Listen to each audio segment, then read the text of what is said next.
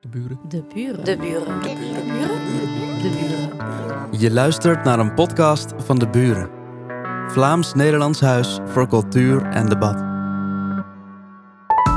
Radio 1.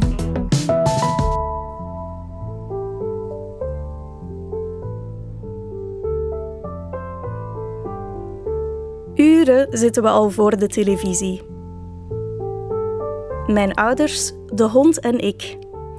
Een journaliste op het scherm vraagt een man in parka wat hem in Balmoral brengt, het buitenverblijf van de Britse Queen. Het is zonder twijfel een Amerikaan. Hij verveelt me. De journaliste wendt zich terug naar de camera. Op haar blazer spot ik een kleine Union Jack. Mijn ouders zitten kaarsrecht op de rand van de sofa. Ze luisteren aandachtig naar de Amerikaan. Hij vertelt nogthans niets nieuws. Maar de Queen is dood en wij weten nog niet wat we daarvan moeten denken. Deze man misschien wel. Het is een scène die me doet denken aan Mad Men. De tv-serie waarin je de werknemers van een reclamebureau volgt tijdens het snel veranderende Amerika van de jaren 60. Elke grote wereldgebeurtenis kwam toen binnen via de televisie. Een voorbijrijdende Kennedy, de maanlanding of een speech van Martin Luther King. En iedereen troepte samen om naar hetzelfde scherm te kijken.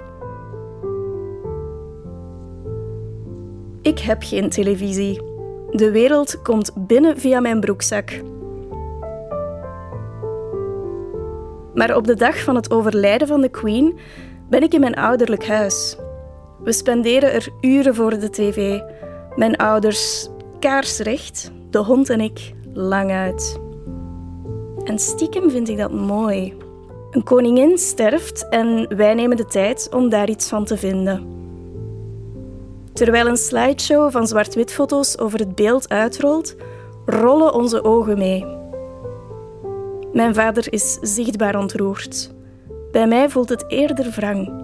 Of je de Queen nu bewonderde, zoals mijn vader, of wantrouwde, zoals ik, één ding is zeker. Het belang van haar dood is onmiskenbaar. Samen kijken we naar het einde van een tijdperk en het begin van iets nieuws. De Buren. De buren. De buren. De buren. De buren. Je luisterde naar een podcast van De Buren. Vlaams-Nederlands Huis voor Cultuur en Debat. Benieuwd naar meer? Luister ook naar onze andere verhalen en registraties. En ontdek ons podiumprogramma op deburen.eu.